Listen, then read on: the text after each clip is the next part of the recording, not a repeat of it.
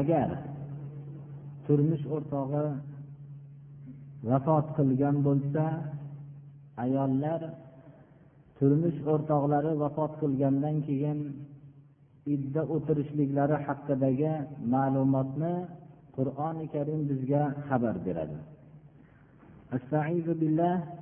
والذين يتوفون منكم ويذرون أزواجا يتربصن بأنفسهن أربعة أشهر وعشرا.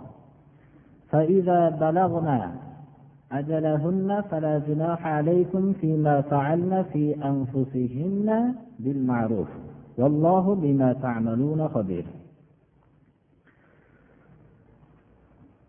turmush o'rtog'i vafot qilgan ayol johiliyat davrida ko'p zulmlarga duchor bo'lardi. O'zini oila ahllaridan ham zulmga ro'baro bo'lardi. Turmush o'rtog'i vafot qilib ketgandan keyin uning qarindoshlari tarafidan ham zulmga ro'baro bo'lardi. Xullas jamiyat tarafidan bo'lgan zulmdan ham bundan ham qutula olmasdi. Arablarda agar bir ayolning turmush o'rtog'i vafot qiladigan bo'lsa bir yomon o'ringa kirardida eng xunuk bir liboslarini kiyib shu yerda o'ziga biror bir xushbo'y narsani tekkizmasdan bir yil muddatga shunday xor holatda o'tirishlikka majbur edi.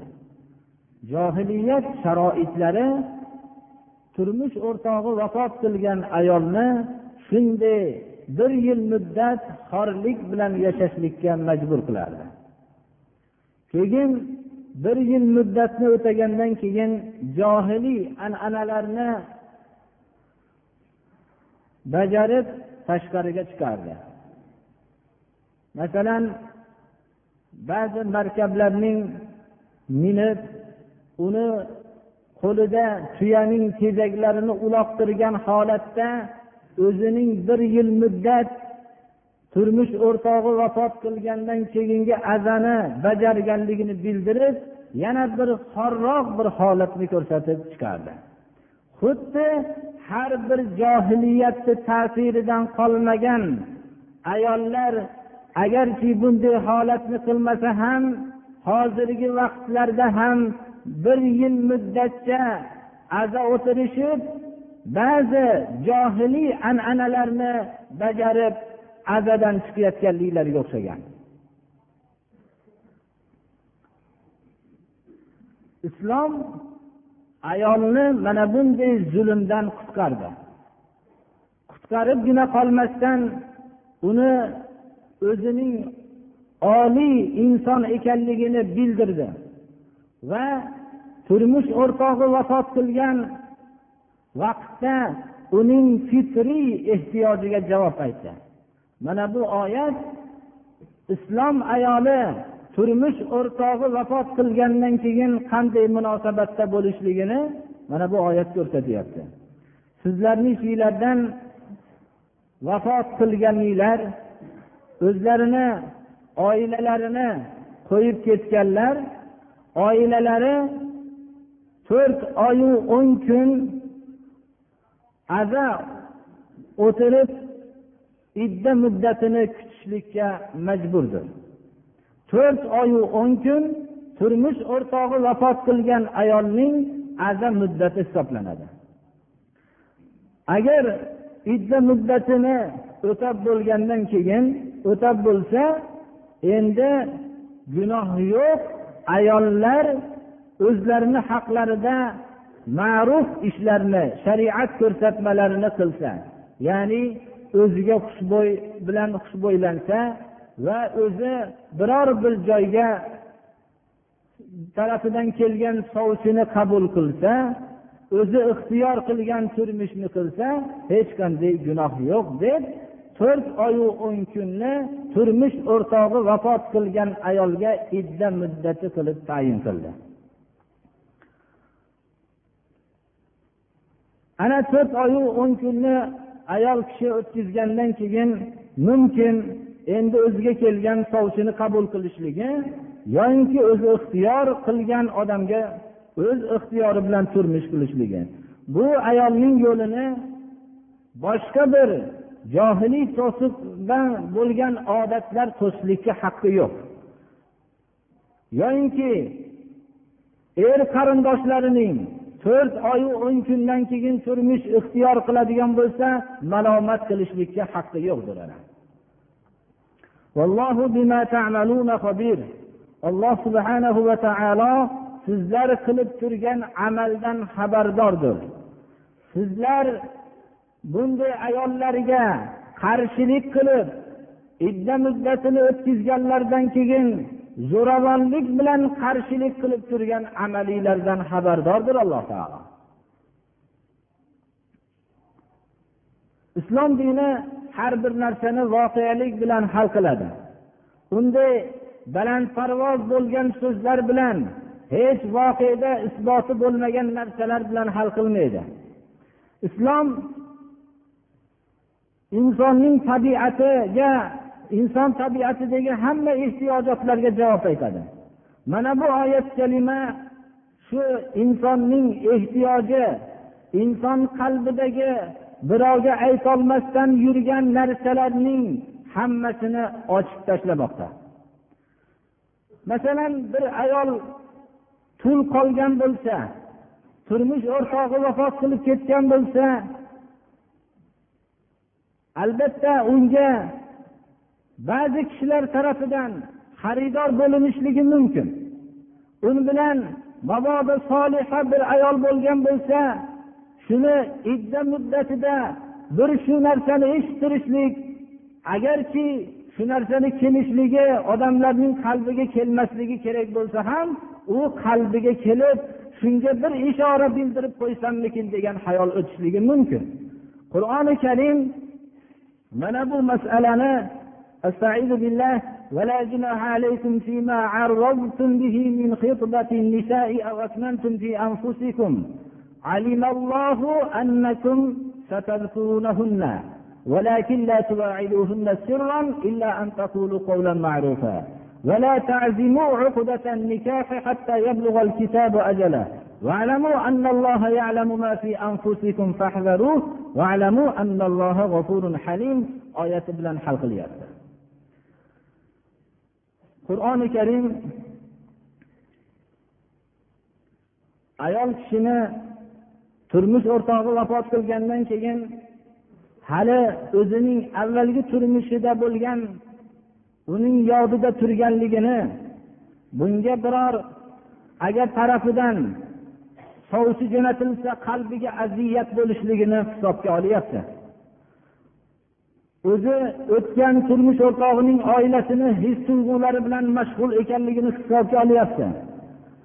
Mumkin agar homila bo'lib farzandi bo'lsa bu farzandi bilan mashg'ul bo'lishligini hisobga olyapti.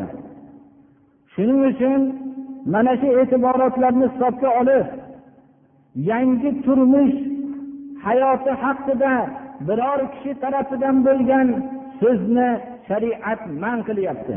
Chunki uning qalbini bu yaralaydi.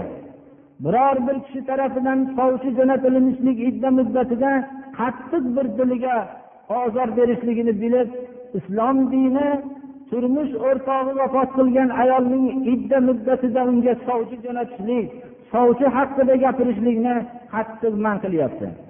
Lekin inson tabiatidagi joylashgan mumkinki bir soliha bir ayol bo'lsa shunga biror bir kishi tarafidan bir ishora bildirsammikin degan narsa qalbda borligini ham olloh bilyaptida sizlarga gunoh yo'q.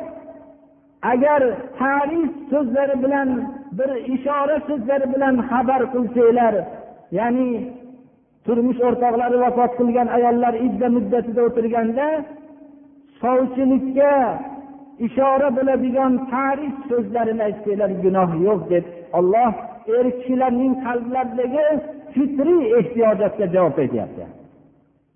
Yoki dilinglarga mabodo shu narsani keltirib shunga xaridor bo'lsammikin? degan gapning qalbinglarda kelib qolsa gunoh yo'q deyapti. Chunki qalb insonga bo'ysunmaydi. Qalbga har qanday narsalar kelishligi mumkin. Ammo bu qalbdagi narsani tashqariga chiqarilishlik faqat bu suratda tarif so'zlarigagina ruxsat bor. Ochiq sovchi jo'natishlik qat'an man qilingan. Alloh subhanahu va taolo olloh o'zining ilmi azaliysi bilan bildi. Sizlar shuni esinglarga olib dilinglarga keltirishligini keltirishliginglarni bildi alloh taolo. Lekin maxfiy suratda idda muddatida o'tirgan ayollar bilan turmush qilishlikka sovchi jo'natib va'dalashmanglar deyapti alloh chunki bu jamiyatda bir nihoyat darajada xunuk bir holatni paydo qilishligi mumkinki avvalgi turmush bilan g'am bilan turgan ayolga sovchi jo'natishlik bilan jamiyatda bir kutilmagan bir xunuk voqea sodir bo'lib qolishligi mumkin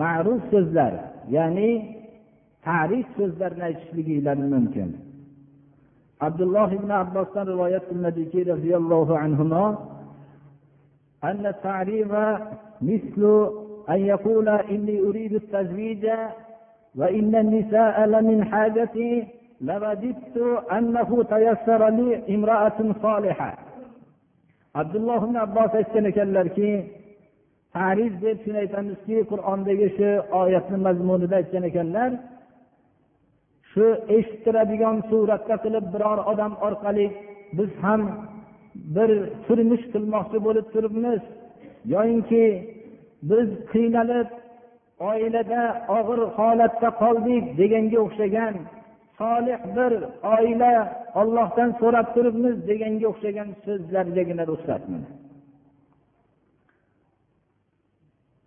islom dini unaqa zohirda vafodor bo'l umringni oxirigacha turmush qilma degan tabiiy ehtiyojotlardan ortiq narsaga buyurmaydi. Islom dini zohirda shunday so'zlarni yozib maxfiy holatda xunuk bir holatlarda yurishiga ruxsat bermaydi.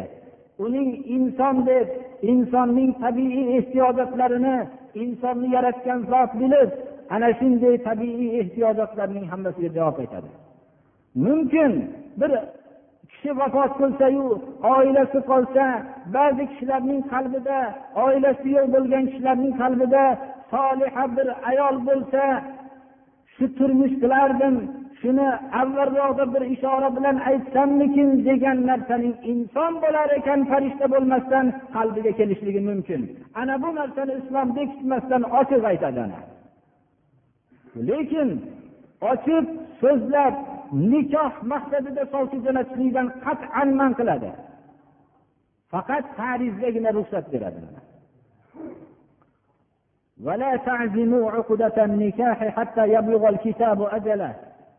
Nikoh bog'lovini maqsad qilmanglar sovchi jo'natmanglar bu idda muddatida hatto idda muddati nihoyasiga yetguncha agar idda muddati nihoyasiga yetguncha sovchi jo'natilsa alloh subhana va taoloning buyrug'ini qabul qilmagan bo'ladi chunki bu ayolning qalbiga qattiq bir zarba bo'ladi bu narsa undan tashqari turmush o'rtog'ining qarindoshlari ham bu bilan ozorlanadida jamiyatda bir xunuk bir holat vujudga keladi adovat paydo bo'ladi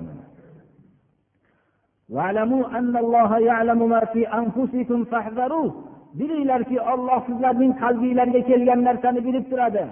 Bilib turganligi mana bu oyatni nozil qilganligiki mumkin insonlarning qalbiga shunday holatda ham turmush qilsammikin shu ayol bilan degan narsaning qalbiga kelishligi mumkinligini olloh bilganligidan mana bu hukmni nozil qildi.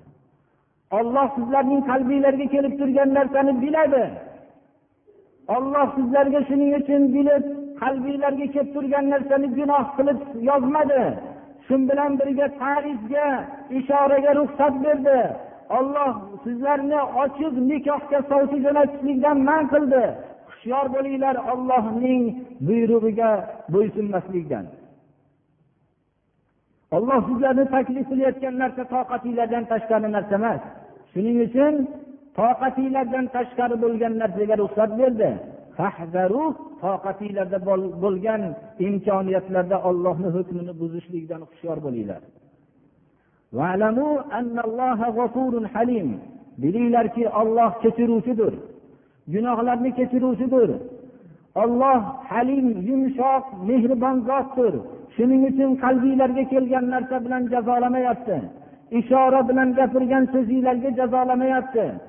Olloh boshqa gunohinglarni ham kechiryapti. Olloh tarafidan mavida kelganda o'tgan vaqtda qilgan gunohlarga qattiq tavba qilsa olloh kechiruvchidir.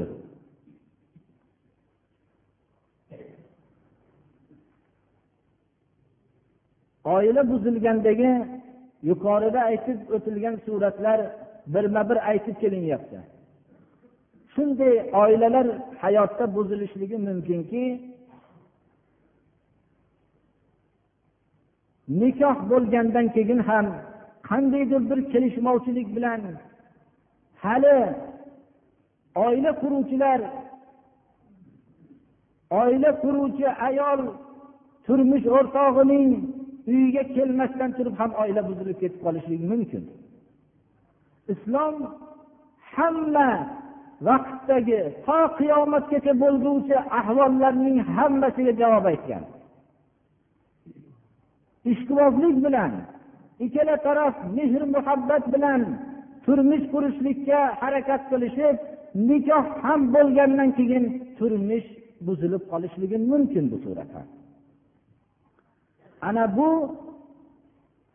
holatni qur'oni karim bayon qilib لا جناح عليكم إن طلقتم النساء ما لم تمسوهن أو تفرضوا لهن فريضة ومتعوهن على الموسع قدره وعلى المقتر قدره متاعا بالمعروف حقا على المحسنين birinchi holat nikoh bo'lgandan keyin turmush qurilmasdan turib o'rtada taloq qilingan holat ham bo'lishligi mumkin shunda mahr ma'lum bir mahr ham tayinlanmasdan qolgan bo'lishligi mumkin. Mahr qur'oni karim va deb farizoh kalimasi bilan keltirilayotganligi mahr albatta shart ekanligiga ishora. Agar nikoh bo'ldiyu turmush qurilmasdan turib nikohdan keyin qandaydir bir kelishmovchilik bilan ajralish bo'lib ketgan bo'lsa ya'ni birga bular bo'lmasdan turib ajralib ketgan bo'lsa mahr tayin qilinmagan bo'lsa bu holatda turmush qurgan kishi albatta nikoh qilgan ayoliga mahrni tayin qilmagan bo'lsa ham foydalantirishlik lozimdir. Ya'ni qodir bo'lgancha marhamat qiladi. Bu qilingan marhamatning o'ziga xos bir qiymati bor. Bir ayol bilan turmush qilingandan keyin nikoh bo'lgandan keyin nikohning hali oila qurilmasdan darrov ajralib ketish uning qalbini yaralaydi.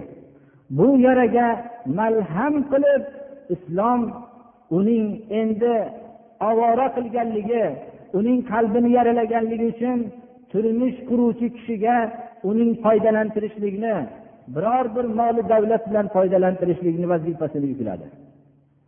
Bu foydalantirishlik har bir kishining toqatiga muvofiq narsaga buyurildi.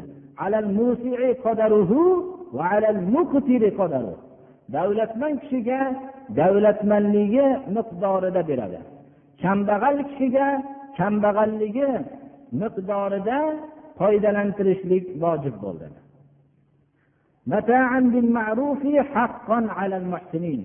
Bu ma'ruf narsa bilan ayolni foydalantirishlik uchun. Va bu ollohni ko'rib turganday sig'inib turgan kishilarga xudodan qo'rqqan kishilarga haqdir bu. Ustlariga yuklangan vazifadir bu. Chunki turmushni bu holatda qurilmasdan turib ajralib ketishlik ikkala tarafdagi bir necha kishilarning qalbini yaralaydi. Ana bu yarani tuzatish qisman bir iloji boricha imkoniyat boricha alloh subhanahu va taolo ayol tarafni foydalantirishlikka er kishilarning tarafini buyurdi mana. Ularning vazifasi qilib qo'ydi. Shu bilan birga ayol tarafni ham bu xatoni imkoniyatdan tashqari sodir bo'lganligi uchun afl qilishlikka ham buyurdi.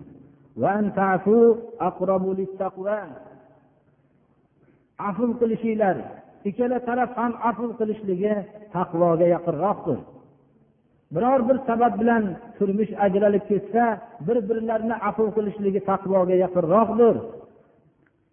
Er kishilar ham aytmasligi kerakki endi men bu turmush qurmaganimdan keyin foydalantirmaslikka harakat qilaman. Hisob kitob qilaman demasin o'zaro o'rtanglarda bir biringlarga bo'lgan marhamatni esdan chiqarib qo'ymanglar. Mo'minlar bir birlariga marhamat qilishlikka ma'mur edi.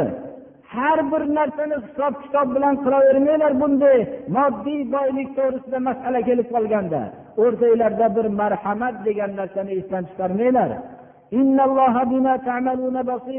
Agar marhamatni qilgan bo'lsanglar bu marhamatinglarni ikkala tarafdagi kishilar bilmayotgan bo'lsa g'amgin bo'lmanglar. Olloh sizlar qilib turgan amalni ko'rib turibmi olloh ko'rib turishligi kifoya qiladi. Oila muhitiga bo'lgan masalalar tamom bo'lmasdan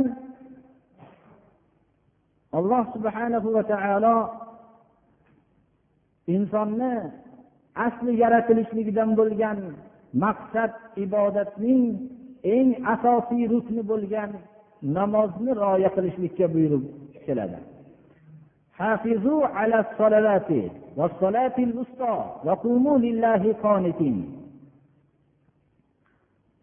Namozlarni rioya qilinglar. Namozlarning vaqtlarini muhofaza qilinglar. Namozlarning arkonlarini muhofaza qilinglar. xususan o'rta namozini nihoyat darajada muhofaza qilinglar o'rta namozi rivoyatlarni aksariga qaraganda asr namozi hisoblanadi chunki rasululloh sollallohu alayhi vasallam ahzob voqeasida صلاة العصر ملأ الله قلوبهم وبيوتهم نارا degan edilar Ya'ni mushriklar bizlarni o'rta namozidan mashg'ul qilib qo'ydi asr namozidan dedilar. Olloh qalblarniyu uylarini o'tga to'ldirsin deb duo ibod qildilar. Mana bu o'rta namozini salotil asr deb bayon qilishliklari o'rta namozining asr namozi ekanligiga ishora bo'ladi. O'rta namozini alohida ta'kidlab o'tilinishligi insonlar bu vaqtda dunyo ishlari bilan aksar tamomlab qo'yishlik maqsadida mashg'ul bo'lgan soat bo'ladi. Va shu bilan birga qaylula vaqti bo'lib qoladi. Shuning uchun o'rta namozini alohida qur'oni karim ta'kid qildi hatto hadis shariflarda borki kim o'rta namozi ya'ni asr namozini tark qilgan bo'lsa butun moli davlatiyu oilalardan judo bo'lib mahrum bo'lgan deydigan ekanlar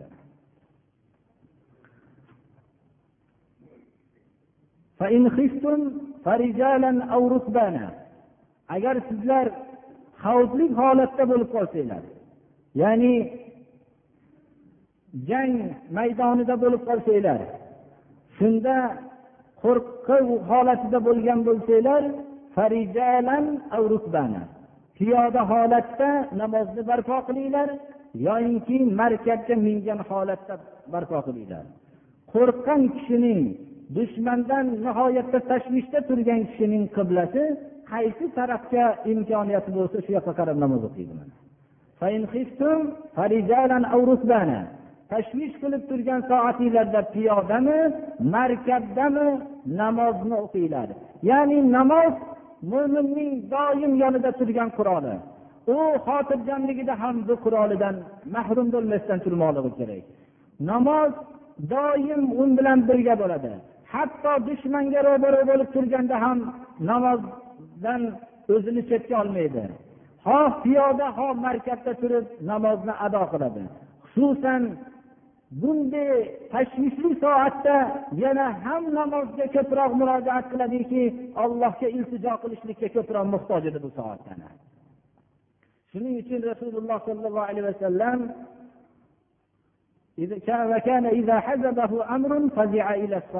biror bir ish tashvishga tushirib qo'ysa u kishini namozga murojaat qilardilar ollohga iltijo qilardilar.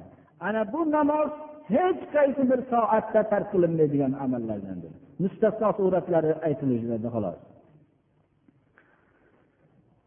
Bu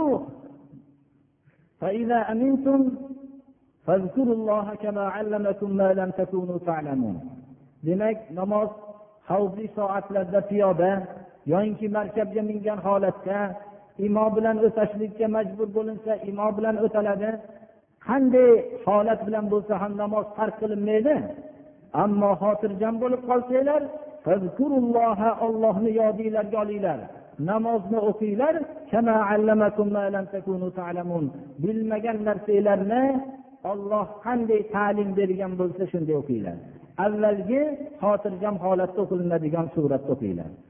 Alloh subhanahu va taolo namozni bizga o'zi ta'lim berdi. Namozdagi amallar hammasi bizlarga payg'ambarimiz sollallohu alayhi vasallam vositasi bilan yetib keldi. Biz buni aqlimiz bilan topganimiz yo'q. Shuning uchun namozdagi masalalar biz o'zimizni aqlimiz bilan topgan masala emas. Alloh rasuli tarafidan kelgan biz uni taabbidiy suratda qabul qilganmiz. Yuqoridagi hafizu ala salavati va salatil va qumu lillahi qonitin va qumu lillahi qonitin ya'ni ollohga namozni barpo qilinglar tazarru qilib xushu qilgan holatinglarda. Namozni butun ollohga forizbol bo'lib namoz o'qishlikka kunut ma'nosi ifodalaydi o'rtada oilaviy hukmlar hali tamom bo'lmasdan turib namoz zikrini kelishligi nihoyatda bir diqqatga sazovorki mo'min kishi namozda qanday ollohning hukmiga muqayyat bo'lsa hatto bu oila hududlarida ham hayotning boshqa maydonlarida ham ollohning hududlariga ko'rsatmalariga shunday muqayyat bo'lmoqligi kerak. Hatto taloq qilingan vaqtlarda ham ollohning ko'rsatmalaridan tashqariga chiqmaslik kerak. Yomon ko'rishligi o'rtada oilaning buzilishligi oilaning hududlarini buzishlikka sabab bo'lmasligi kerak. Mana bu namozning zikri o'rtada hali oila hududlari tamom bo'lmasdan turib kelishligi xuddi hayotning boshqa maydonlarida ham ollohni hukmiga muqayyat bo'lishlikda namozda turgandek turinglar ibodatning o'zi keng ma'nosi ham shudir bir kishi bozorda turib ollohni hukmiga muvofiq savdo qilib turishligi ibodatdir. Bir kishining xalqlar bilan gaplashayotganda to'g'ri so'zga buyurganligi uchun alloh taolo to'g'ri so'z bilan gapirishligi ibodatdir. Yolg'ondan man qilgan deb yolg'ondan o'zini chetga olishligi ibodatdir. Biror bir yaxshi amalni qilishlik uchun istirohat olib badanimga quvvat paydo qilay deyishligi ham ibodatdir. Halol yegin deb buyurgan deb halol ovqatni yeyishligi ham ibodatdir. Harom narsa kelganda yemaslikka buyurilganman deyishligi yemasligi ham ibodatdir. Gapirishlik kerak bo'lganda agar gapirishlik olloh rasulini rozi qiladigan o'rinda gapirishligi ibodatdir. Xuddi gapirmasligi bu o'rinda gunoh bo'lganga o'xshagan. Gapirmaslik kerak bo'lgan joyda gapirmasdan turishligi ham ollohni rizosi shunda degan e'tiqod bilan ibodat turi ibodat hayotning hamma maydonini o'z ichiga oladi. Ibodatning ramzi asosiysi namozdir ana. Shuning uchun oila hududlari hali nihoyasiga yetmasdan turib namozning zikri o'rtada kelishligi nihoyatda oyatlarning oqimini bir biriga mustahkam bog'liqligini bildiradi birodarlar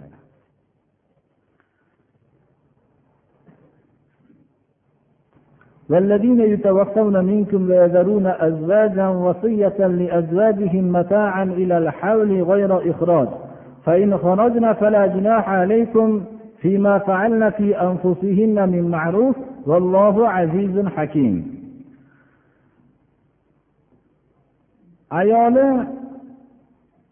o'zlari vafot qilib ketib ayoli qolgan kishilar ya'ni ayollari qolgan bo'lsa ular uchun jon taslim qilish vaqtlarida turmush o'rtoqlari ayollariga vasiyat qilib ketishlari kerak. Vasiyat bir yilgacha shu oilamni foydalantirib turinglar nafaqalar bilan deb vasiyat qilishligi lozim. Uydan chiqarib yubormaslikni ham vasiyat qilishliklari lozim. Xususan bolalarning o'zini onasi bo'lmagan vaqtda ayollarga zulm qilib chiqarib tashlanadi. O'gay ona bo'lganligi uchun. Mana bu oyatni ba'zi mufassir ulamolar mansux deyishgan ekanlar avvalgi to'rt oyu o'n kun idda o'tirishlik bilan shu vaqtdagi nafaqa kifoya qiladi deb. Ammo ba'zi ulamolarimiz buni mansux deyishlikka hojati yo'q. Chunki u to'rt oyu o'n kun vojib vazifa. Bu to'rt oyu o'n kundan ko'proq bir yil muddatgacha o'tirishlik ayolning haqqi. Agar o'tirmoqchi bo'lsa shu yerda shu bir yil o'tirishlikka haqqi bor. Shunda turmush o'rtog'ining qarindoshlari vasiyatlarini bajarib bir yilgacha foydalantirib nafaqalar bilan va uydan chiqarmasdan foydalantirib turishlikka ayolga huquq berilgan deyilgan. Ana mataan ilal bir yilgacha foydalantirib chiqarib tashlanmasligini vasiyat qilib o'tib ketishlari kerak. Agar turmush o'rtoqlari ayollarga ayol o'zining farzandlariga vasiyat qilib ketgan bo'lsa bir yilgacha foydalantirib turishlikni va chiqarib tashlamaslikni vasiyat qilgan bo'lsayu ayollar to'rt oyu o'n kun idda muddatini o'tagandan keyin chiqib ketgan bo'lsa o'z ixtiyori bilan ularga o'zlarini haqida qilgan ma'ruf shariatga muvofiq bo'lgan ishlarda hech qanday gunoh yo'q. Mabodo to'rt oyu o'n kundan keyin o'zi ba'zi ziynatlarni kiysa yoyinki biror bir sovchi kelganda bunga javob aytsa shariatga muvofiq bo'lgan bu ishlarda hech kim malomat qilishlikka haqqi yo'q vallohu azizun hakim. Ayollarga zulm qilib ularni to'rt oyu o'n kun muddatini o'tashgandan keyin o'zining haqqida biror bir ma'ruf ishni qilmoqchi bo'lsa sizlar zo'ravonlik qilmanglar olloh qudratli zotdir sizlardan ko'ra sizlardan o'ch oladi hakimun ollohni hukmlariga bo'ysuninglar ollohning hukmlari hammasi hikmatlidir وللمطلقات متاع بالمعروف حقا على المتقين bu oyatni ham ba'zi ulamolar mansuf deyishgan ekanlarki yuqorida taloq qilingan ayollar haqidagi hukmlar o'zi shu bilan keyin nozil bo'lganda bular bu oyatni mansuf qilgan deyishgan ekanlar. Lekin ba'zilar tomonidan taloq qilingan ayollarni ma'rufan foydalantirib turishlik bu nafaqadan boshqa narsa. Nafaqa vojib edi. Lekin nafaqadan tashqari ba'zi bir manfaatlanadigan narsalar bilan manfaatlantirib turish bu xudodan qo'rqqanlarga haqdir bu bu vazifani bajarishlari.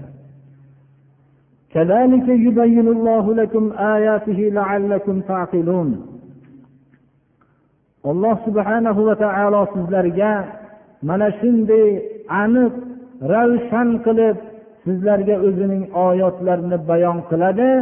Sizlar buni tushunib aqlinglarni ishlatishinglar uchun mana.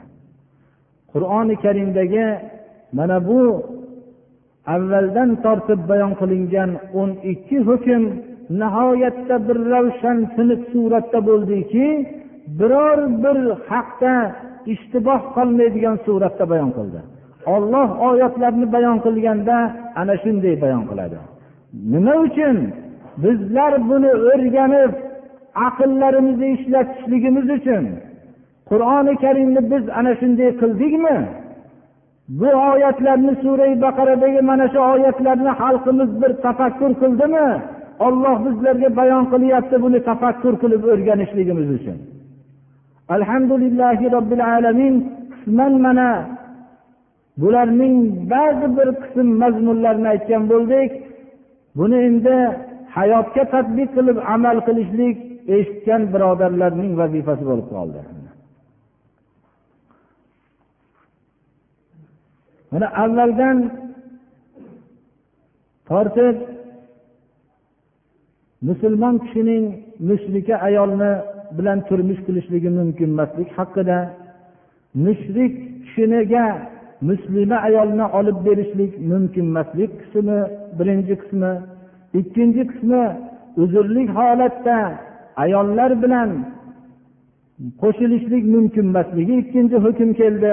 Uchinchi hukm bo'lsa iymon hukmi bayon qilindiki ya'ni ilo taloq haqidagi hukmlarga boshlanma qilib olib kelindi. Ilo aytdikki uzoq muddat turmush o'rtog'ini o'zini oilasi bilan birga bo'lmaslikka bo'lgan qasam dedik taloq alloh subhana va taolo buni ba'zi bir o'rinlargagina ruxsat bergan edi. Bu ruxsatni suiiste'mol qilganlarga ollohni oyatlarini masxara qilmanglar deb ogohlantirgan edi. Taloq olloh subhana va taolo yomon ko'rgan halol jumlasidandir to'rtinchi hukm ilo haqida bo'ldi mana. Beshinchi hukm taloq qilingan ayollarning iddasini hukmi bo'ldi. Oltinchi hukm taloq sonlari haqida bayon bo'ldi. Yettinchi hukm taloq qilingandan keyin ikkita taloq sodir bo'lgandan keyin yo yaxshi niyat bilan turmushni davom ettirish yo yaxshilik bilan yo'lini xoli qilishlik haqida bo'ldi. Sakkizinchi hukm farzand bo'lib turib ajralish vujudga kelganda farzandni yedirish kiydirish haqida bo'lgan hukmni o'rgandik to'qqizinchi hukm turmush o'rtog'i vafot qilgan ayolning iddasiga xos bo'lgan masalani bayon qildi. O'ninchi hukm mana bugun o'rgandikki ayollarning idda muddatlarda o'tirganda tarif so'zlargagina ishora ekanligi mumkinligini. O'n birinchi hukm bo'lsa nikoh bo'lgandan keyin turmush biror bir sabab bilan davom etib qolgandagi mahr tayin qilingan surati mahr tayin qilinmagan suratlarda hukmni o'rgandik. Mahr tayin qilinmasa ham mahrda tayin qilinmagan vaqtda ma'lum bir miqdorda foydalantirishlik. Mahr tayin qilinganligini aytib o'tmabmiz tayin qilinganligining yarmini beriladi. Agar nikoh bo'lib ajralib ketilgan bo'lsa. O'n ikkinchi hukm bo'lsa mutlaqo turmush o'rtog'i vafot qilgan ayollarni bir nafaqalar bilan vojib nafaqadan tashqari foydalantirib turishlik hukmlari mutlaq taloq qilingan ayollarni ham vojib nafaqalarni berib turishlikdan tashqari ixtiyoriy bir nafaqalarni berib turilishligini haqidagi hukmlarni o'rgangan bo'ldik. Qur'oni karim mana bu nafaqalarni berishlikda faqat hisob kitobni oldiga qo'yib olmasdan o'zining moddiy boyligini oldida o'rtada marhamat degan narsani ham esdan chiqarmanglar deb ogohlantirgan hukmlarni o'rgangan bo'ldik. Bularning hammasi islom dini bularning ibodat deb sanayapti. Turmush qurishlikdagi ibodat nasl qoldirishlikda ibodat hatto nikohdagi ibodatdan tashqari judo bo'lishlik nasib bo'lib shunday holat vujudga kelganda ham ollohning buyrug'idan tashqariga chiqmasdan ibodatda turishlikni ogohlantirganligi. Idda muddatida ibodat rajatda ham ibodat nafaqada ham ibodat mut'a ya'ni ma'lum bir nafaqa lozim bo'lgandan tashqari biror bir naf bilan foydalanib turishlikda ham ibodat. Mabodo turmushni qaytadan davom ettiradigan holat mumkin bo'lganda davom ettirsa ham ibodat bilan ularning yo'lini xoli qilganda ham ibodat qilgan holatda yo'lini xoli qilishlik. Fidyalar razo vaqtida ya'ni bolaning go'daklik vaqtida sut bilan ovqatlantiriladigan vaqtda ham ollohning hukmiga bo'ysunib ibodatda turishligi. Ajralgan ayoli idda muddatida turganda xuddi yaxshi ko'rgan vaqtidagi nafaqa lozim bo'lgandek yomon ko'rib ajralganda ham ollohni hukmiga muvofiq bo'lib idda muddatida nafaqasini olib borib turishlikda ham ibodatdan tashqariga chiqmaslikka olloh ogohlantiryapti. Demak mo'min kishi o'zini aqlli o'zini iymonida mustahkam bo'lsa qilayotgan har bir harakatini ibodatga aylantirib olishligi mumkin ekan. Alloh subhanahu va taolo mana oila hududlari haqidagi sura baqarada kelgan oyatlarni o'qib aytib bergan bo'ldik. Bu oyatlar hozirgi olamdagi tamomiy o'zlarini aqlli sanab qanday qilsa bu olam mushkulotini hal qilamizkin deb boshlari qotib turgan odamlar mana bu hukmlarda bilishadilar yo bilmaydilar. Bilganlari hammasi ochib aytisholmaydilar mana. Bu qur'oni karimda bayon qilingan hukmlar hammasi hikmatli hukmlar. Agar bu hayotga tadbiq qilinsa olamdagi hozirgi yechilmay turgan oiladagi mushkulot yechilinishligida shak shubha yo'qdir birodarlar. Alloh subhana va taolo avvalambor musulmonlarga bu hududlarni bildirsin. Bunga amal qilishlikka alloh tavfiq bersin va bu islom dinini masxara qilib yurganlarga ham alloh taolo bu hukmlarning hikmatli ekanligini bildirsin ularni ham avlodlarini mana bu hukmlarni bilib shu hukmlarni hayotlariga tadbiq qilishlikni alloh nasib qilsin اهدنا الصراط المستقيم صراط الذين أنعمت عليهم غير المغضوب عليهم ولا الضالين alloh taolo bizlarga xalqlarning hidoyati uchun alloh taolo sabab bo'ladigan kishilardan qilsin oilasi bilan qaytib kelgandan keyin nikohlanish kerakmi dedilar o'rtada taloq sodir bo'lmagan bo'lsa nikohlanmaydi. Endi inson har xil so'zlar chiqib ketgan bo'lsa degan bunga hujjatsiz o'tirganimda desa ehtiyotini nikoh qilib qo'yadi. Bo'lmasam nikoh shart emas. Birodarlar ko'p gapirilgan. Shu bir farzand ko'rgandan keyin shuni shukronasiga bir qo'y so'yishlik bundan boshqa gap islomda birodarlar unaqa ekan bunaqa ekan degan gaplar yo'q. Bir odam farzand ko'rgan bo'lsa shuni shukronasiga bitta qo'y so'yadi yo qodir bo'lsa ikkita qiz bola bo'lsa bitta qo'y so'yadi. Undan biror qiz bolani bu kamsitilini shunaqa qilingan emas. Endi buni suvagini u yoqqa qo'yadi bu yoqqa qo'yadi bu gaplarni endi biz ba'zi kitoblarda bor. Endi suvaylari endi boshqa hayvonlarni haqqi ularni haqqini bizga go'shtni olloh nasib qilgandan keyin suvayni egalariga beraylik uni masalan. Beraylikda endi suvaylarni egalariga berganimizdan keyin bundagiga o'rab qabriga ko'mib desa bir odam unga janoza ham o'qib qo'yishi mumkin mana shunaqa bo'lib ketadi birodarlar. Shu tomon aqiqa haqidagi masala shuki bir farzand ko'ribdi aqiqa shu o'ziga oq bo'lmasdan osiy bo'lmaydigan farzand bo'lsin degan umidda bitta qo'y so'yib birodarlarga ziyofat beradi. Ota onasi yeb bo'lmaydi degan gaplar tagi yo'q. Shu endi yeb bo'lmaydi deb bironta kishi aytib qo'ygan bo'lsa shuni hammasini yedirib olsin degan maqsadda aytilingan xolos. Shuni islomni ruhi kelayotgan masalalar bilan tushunishimiz kerak. Masalan aytyaptilarki sunnat to'yi qanaqa bo'ladi deyilyapti? Qiz bola taraf gilon ko'rpa to'shak bunaqa masalan biz shuni bilamizki bir kishi bir bola bir joydan turmush qilayotgan bo'lsa turmush qiluvchi kishi ayol tarafga mahr berishligi shart. Bu mahr qancha miqdorda bo'lishligi shu shu davr shu narsani talab qiladi va ikkovi rozi bo'lgan miqdor. Agar ozgina miqdorga rozi bo'lsa shu miqdor mahr bo'ladi yo'q men mahrga shuni talab qilaman desa uni malomat qila olmaymiz shu mahrni berishga majbur. Berolmasa boshqa joydan uylanaveradi.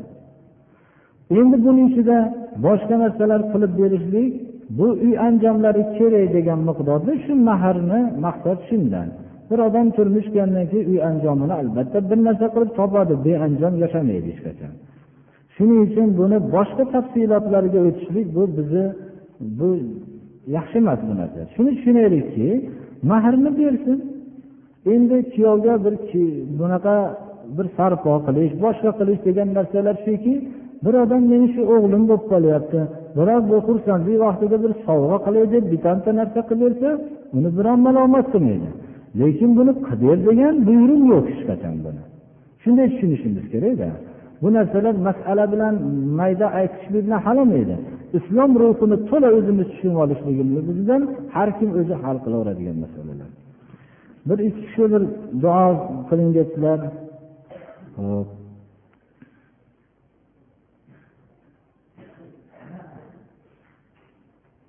Hop.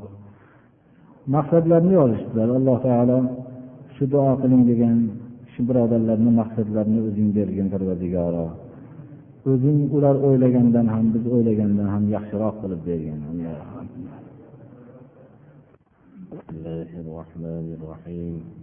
اللهم تقبل منا هذه الصلاة واعف عنا مع جميع نقصاناتها بفضلك وكرمك يا أكرم الأكرمين ويا أرحم الراحمين ربنا اغفر لنا ذنوبنا وإسرافنا في أمرنا وثبت أقدامنا وانصرنا على القوم الكافرين.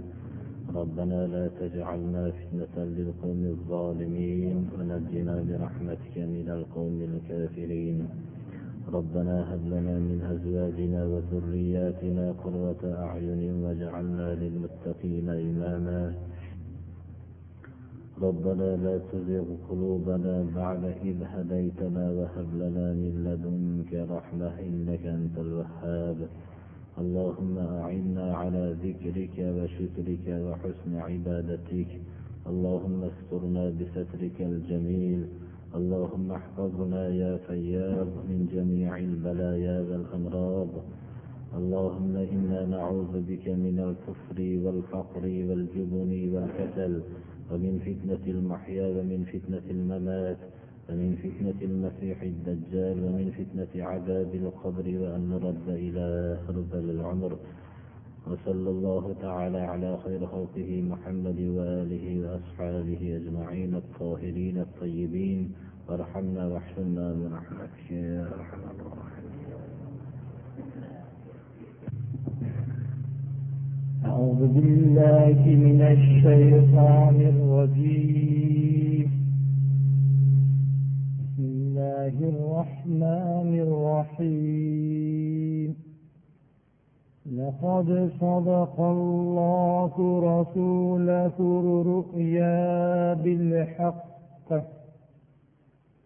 لتدخلن المسجد الحرام إن شاء الله. آمنين. آمنين مخلصين رؤوسكم ومقصرين. لا تخافون. فعلم ما لم تعلموا فجعل من دون ذلك فتحا قريبا. سبحان ربك رب العزة عما يصفون وسلام على المرسلين والحمد لله رب العالمين. اللهم ارحمنا بالقرآن العظيم واجعله لنا حجة يا رب العالمين. ربنا اغفر لنا ولإخواننا الذين سبقونا بالإيمان ولا تجعل في قلوبنا غلا للذين آمنوا. ربنا إنك رؤوف رحيم. الله أكبر. آمين. الله تعالى عبادة لرمز قبل قلسن بنوح لرمز معفلة قلسن بهم الله رمز قدمي الله حسن عبد الله برادر الله mana bu ko'rinib turibdi. Ayvonni bitkazyapmiz inshaalloh. Allohni madadi bilan shuni bitkazamiz. Avvalgi jumada ham ba'zi atrofdagi ustalar kelishsa qo'llaridan keyin yordam berishsalar deb shunaqa degandik marg'ilondagi ustalar ancha bizlarga yordam berdi. Boshqalardan ham shuni bir iltimos qilamiz. Alloh taolo duo qilinglar shu ishimizga o'zi alloh o'zi madad bersin allohu akbar.